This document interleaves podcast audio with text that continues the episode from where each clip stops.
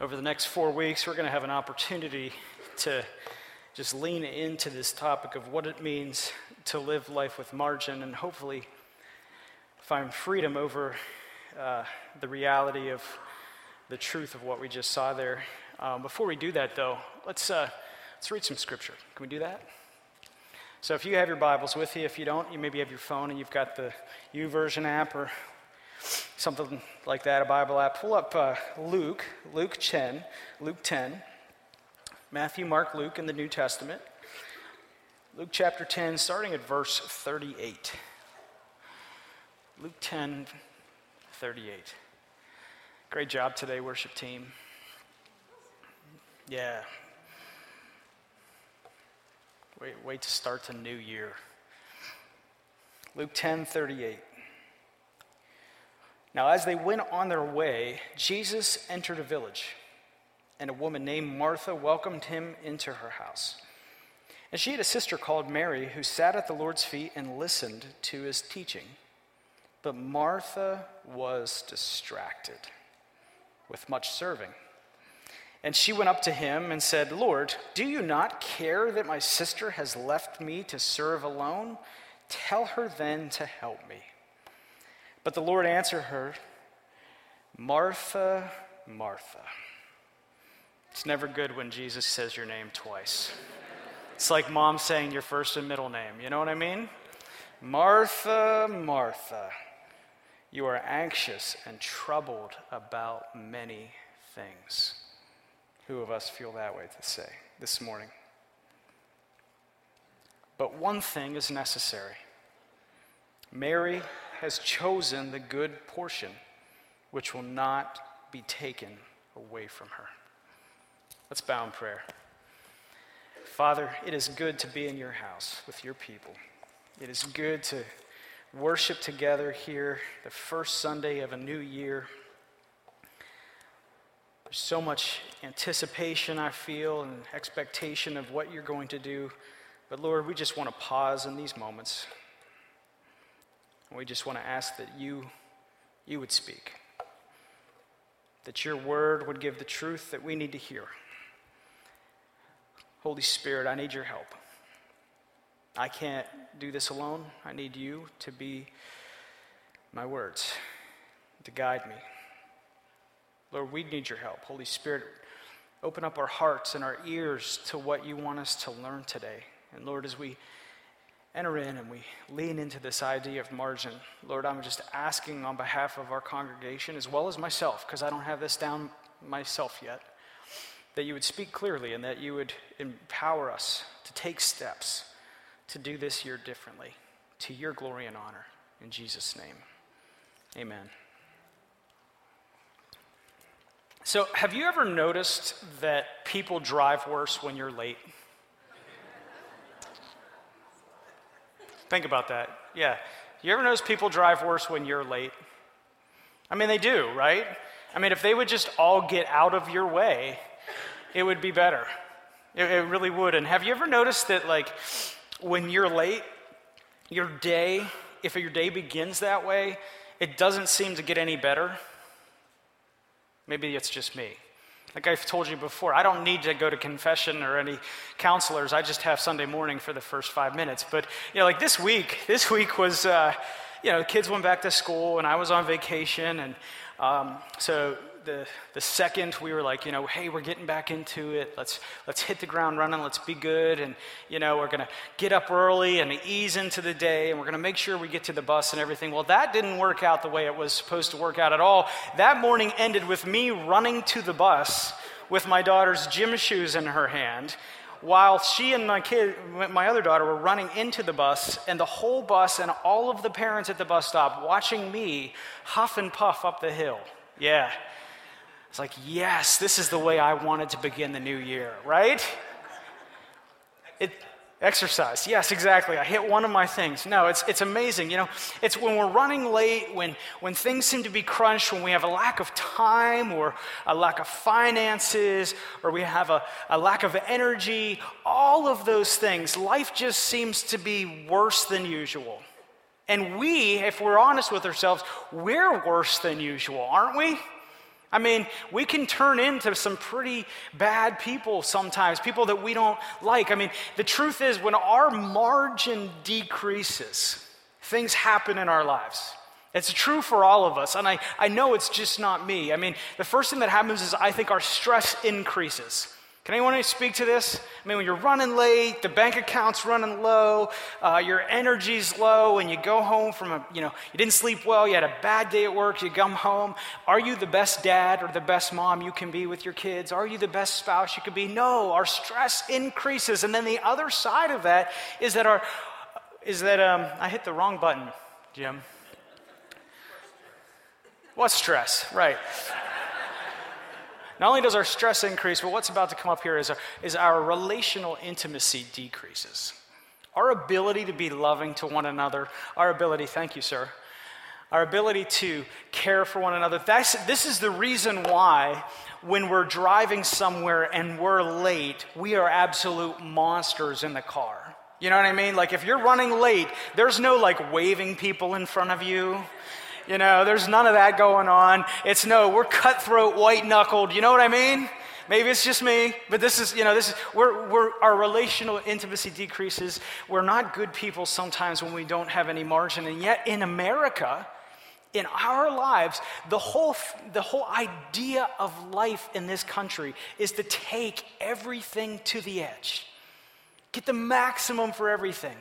If you're young and you're married and you, and you haven't had a chance to buy a house yet, I'll tell you, the first time you find this out is when you go to get pre qualified for a mortgage. Guess what? The mortgage lender never says, oh, make sure you have margin.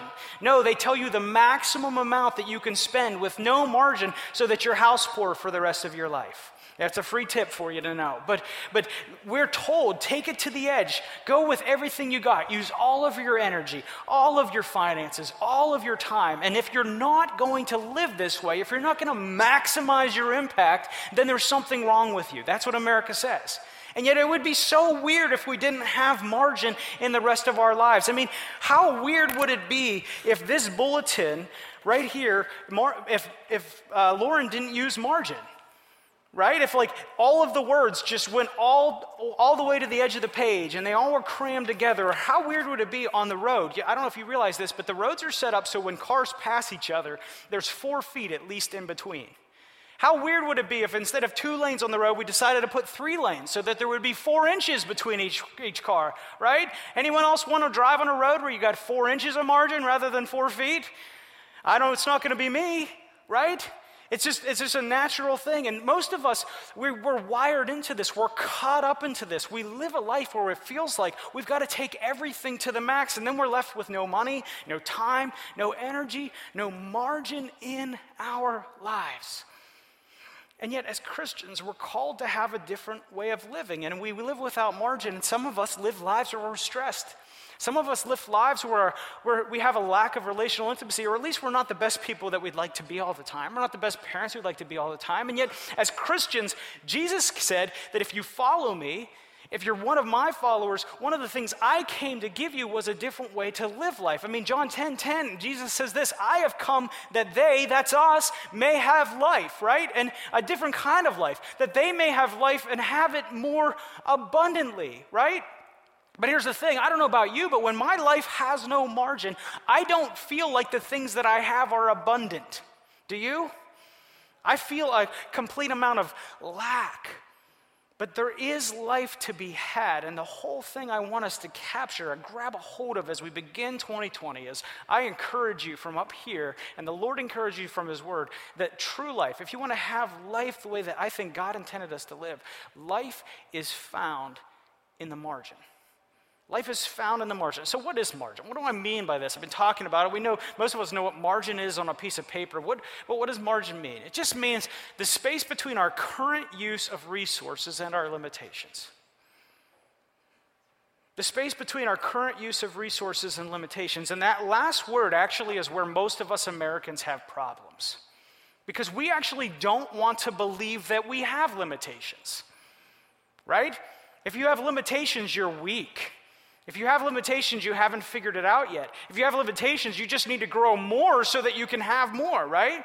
And so most of us, we live life to the max. We have, we have these limitations because the reality is we only have so much money, we only have so much time, we only have so much energy, we only have so many gifts in our lives, but we think we have to maximize it all. And yet God's called us to live someplace different, but most of us are stressed out. Most of us are struggling because we've pre spent all of our margin.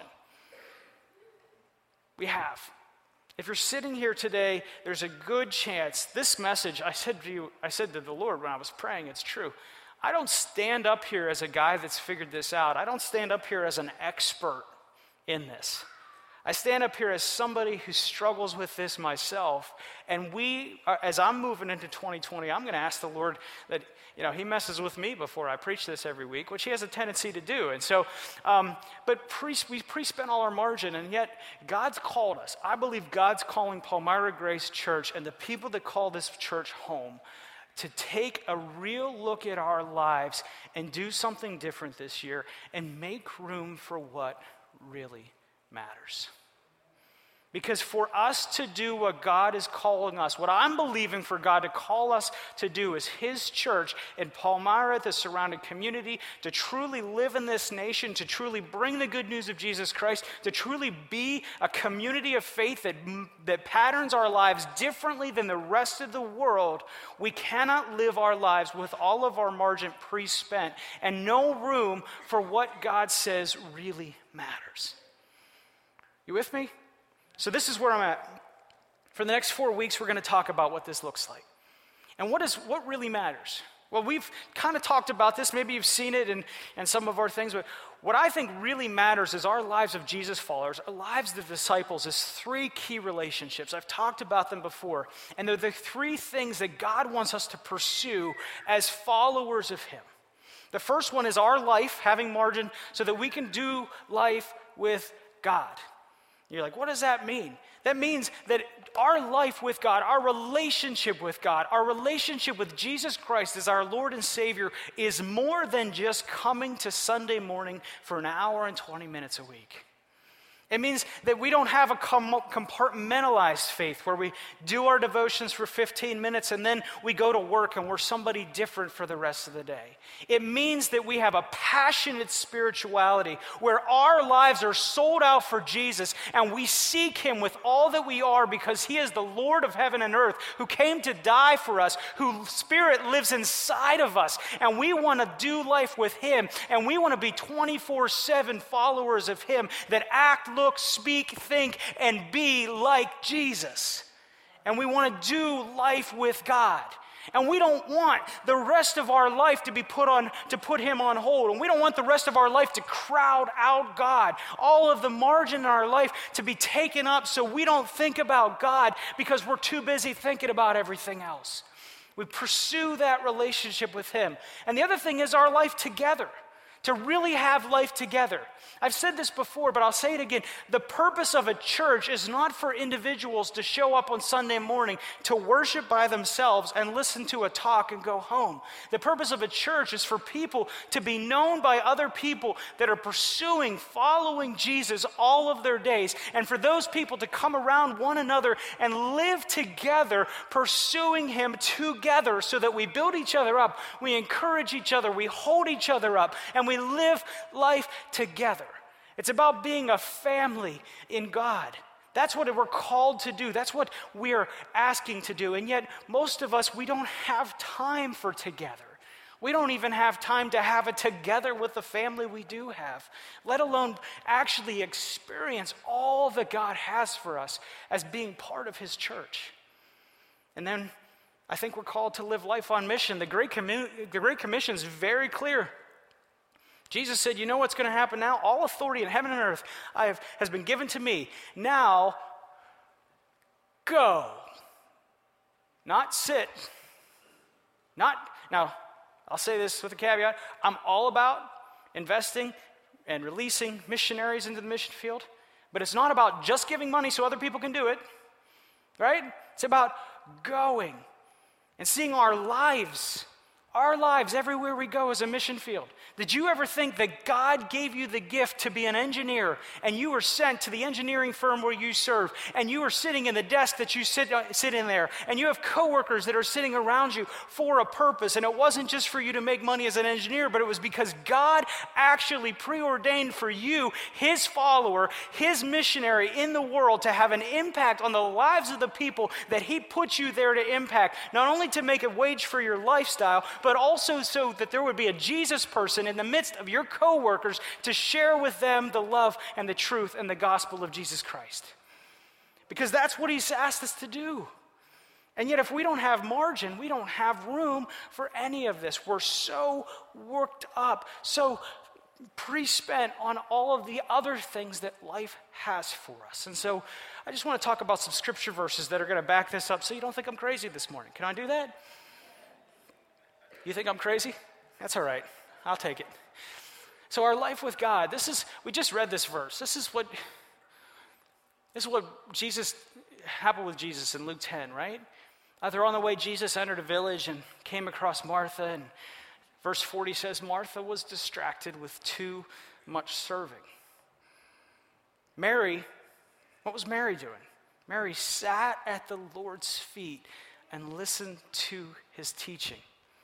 Jesus, the Lord of heaven and earth, the Son of God, the one who existed, literally was sitting there, and Mary chose to sit at his feet and listen. Could you imagine not having to listen to me, but actually listen to Jesus teaching, right? But Martha was too distracted. You know, when we don't have margin in our life, we have an opportunity where the very words of God have been preserved for us in every translation you can think of now no matter how hard, where we have an opportunity to sit at the feet of Jesus every single day. And this is what it takes. Did you see that over on this side? That's what it takes, right? I don't mean to say that'd be funny, but, but some of us were distracted with too much.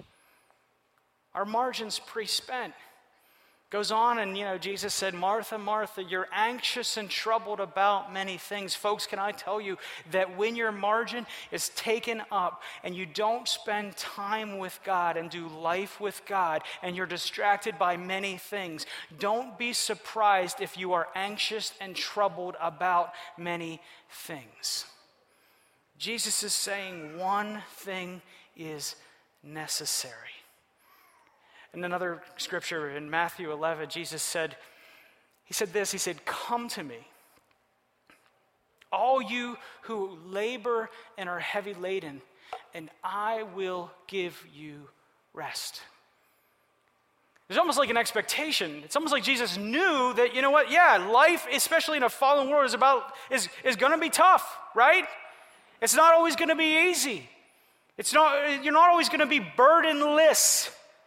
And yet, if you want to carry that, you're never going to feel rested. If you want to carry that, you're never going to feel free and light. If you want to carry that, you're always going to feel weighed down. But if you come to me, I will give you rest. Take my yoke. I have another idea. I have another burden to you to bear. You can put it on your shoulders and learn from me because I am gentle and lowly in heart, and you will find rest for your souls. You know, every time I have a sleepless night, every time I toss and turn, drives my wife crazy. She's not here today, but she'd tell you if you asked her. Every time that I'm carrying something and I'm not finding rest, there's a good chance that I am not taking whatever it is to Him. And the reason is, is because I've convinced myself that I don't need to take time to, to take this over to Him. Instead, I just need to work harder, try harder, manage harder, manipulate more, right? To work it out for myself. Maybe that's just me. You all have it down, but you can learn from my mistakes right? This is what Jesus says. Here's another passage I think is great from Psalm 124. It says this if the, unless the Lord builds a house, its builders labor over it in vain.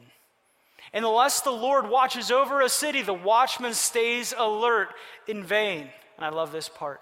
In vain, you get up early and stay up late, working hard to have enough food. Yes, He gives sleep to those He loves. The psalmist is very clear. If you're staying up, if you're waking up early, you're staying up late, if you're taking your whole life with margin, working yourself to the bone, and you're not making time for Him, He says that it is worthless. Folks, our life with God is so important. It's not the add on, it's the beginning of what it means. And it's, we're called to have life with Him day by day, hour by hour. Life together.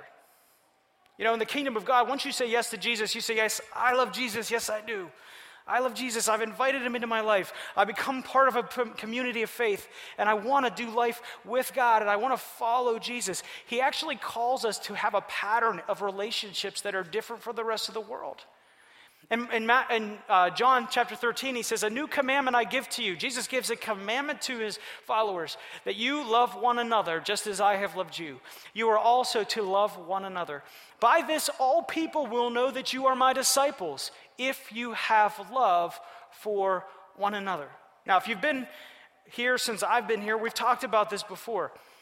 There is an awful lot of passages in Scripture. I'm about to fly through them. If you want them, I'll send them to you that say that we, as followers of Jesus Christ, are to one another one another. It's a gift. Listen, it's not a burden. Listen, it's not something that's supposed to take up all your time. Listen, it's not something where you say to me, Well, Pastor, you're asking me to do this, but I don't have any margin. I know, that's why I'm preaching the message, right? There's a gift from God, a grace from God, that when you become a Christian, you're gifted with brothers and sisters in Christ to one another, one another. It's an amazing thing that He does. He tells us to have equal concern for each other, to confess our sins to one another and pray for one another. That's a whole message.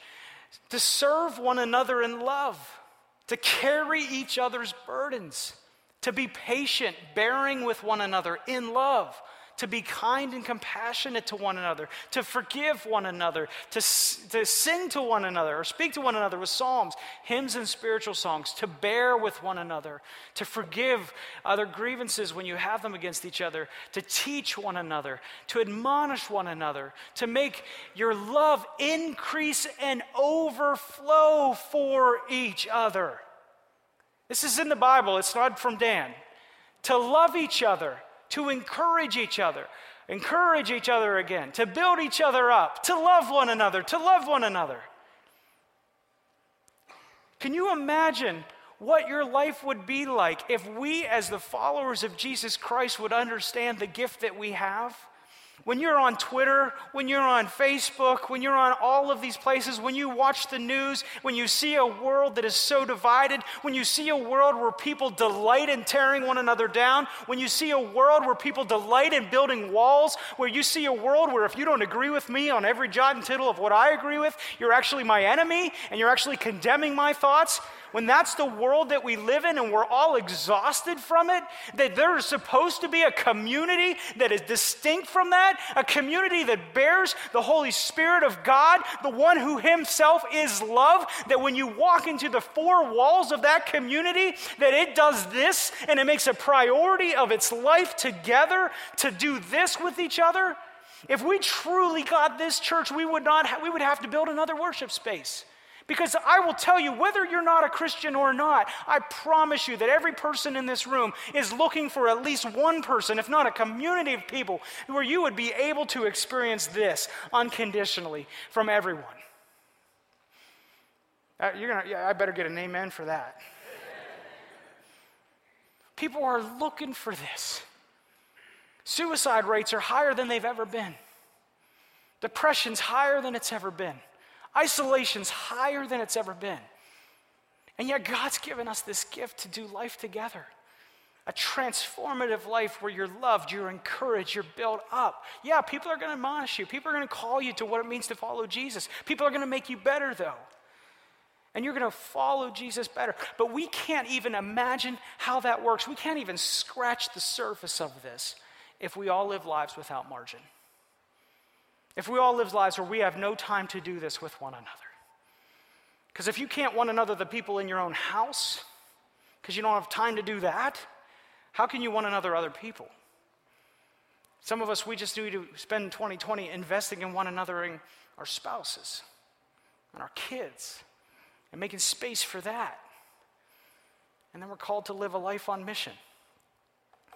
I already mentioned the Great Commission. God's called us to go to do these things, to make disciples, to love people, to serve people. You know, it's funny, this has always been part of God's plan for his people. Do you know that?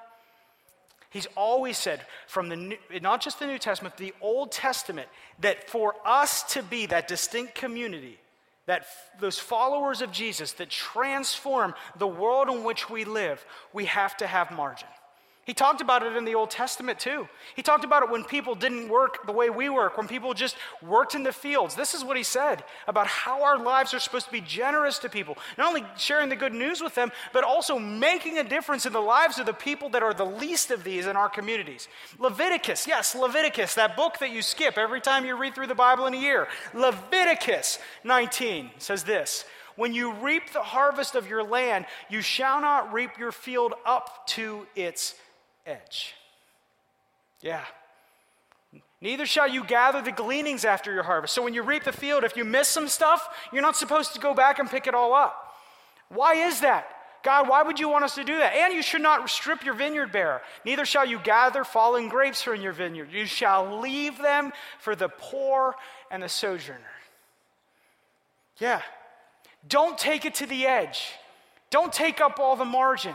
Don't say that every resource you have has to be used to 100% because there are going to be people in your community who are the least, the lost, and the lonely. And if you don't make space for them in your life, there is nobody that's going to do it. And folks, not to get political, but the church has allowed the government in the United States to pick up the slack for taking care of those people for too long. And if you put your trust in the government of the United States to care for the least, the lost, and the lonely, lonely in our world, then we have failed what God has called us to do as His church. And if you think the government of the United States is going to solve anything outside of the will of God, then you're crazy.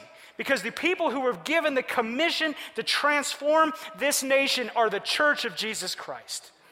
But if we don't have margin in our lives, we're going to abrogate that responsibility to someone else. And guess what? They're never going to do it right. Ever.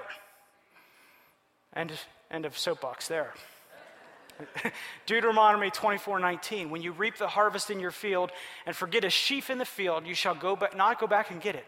It shall be for the sojourner, for the fatherless, and for the widow, that the Lord your God may bless you and the work of your hands. Did you get that? So when you beat your olive trees, you shouldn't go over them again. It shall be for the sojourner, the fatherless, and the widow. When you gather the grapes in your vineyard, you shall not strip it afterward for the sojourner, the fatherless, and the widow.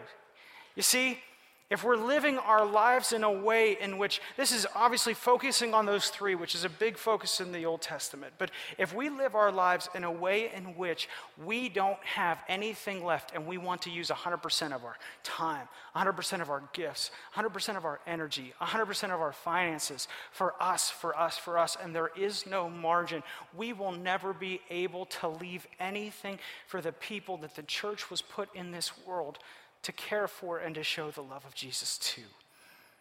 It's, it's not hard. It's, this is what he says. And it's crazy because he says this in Exodus.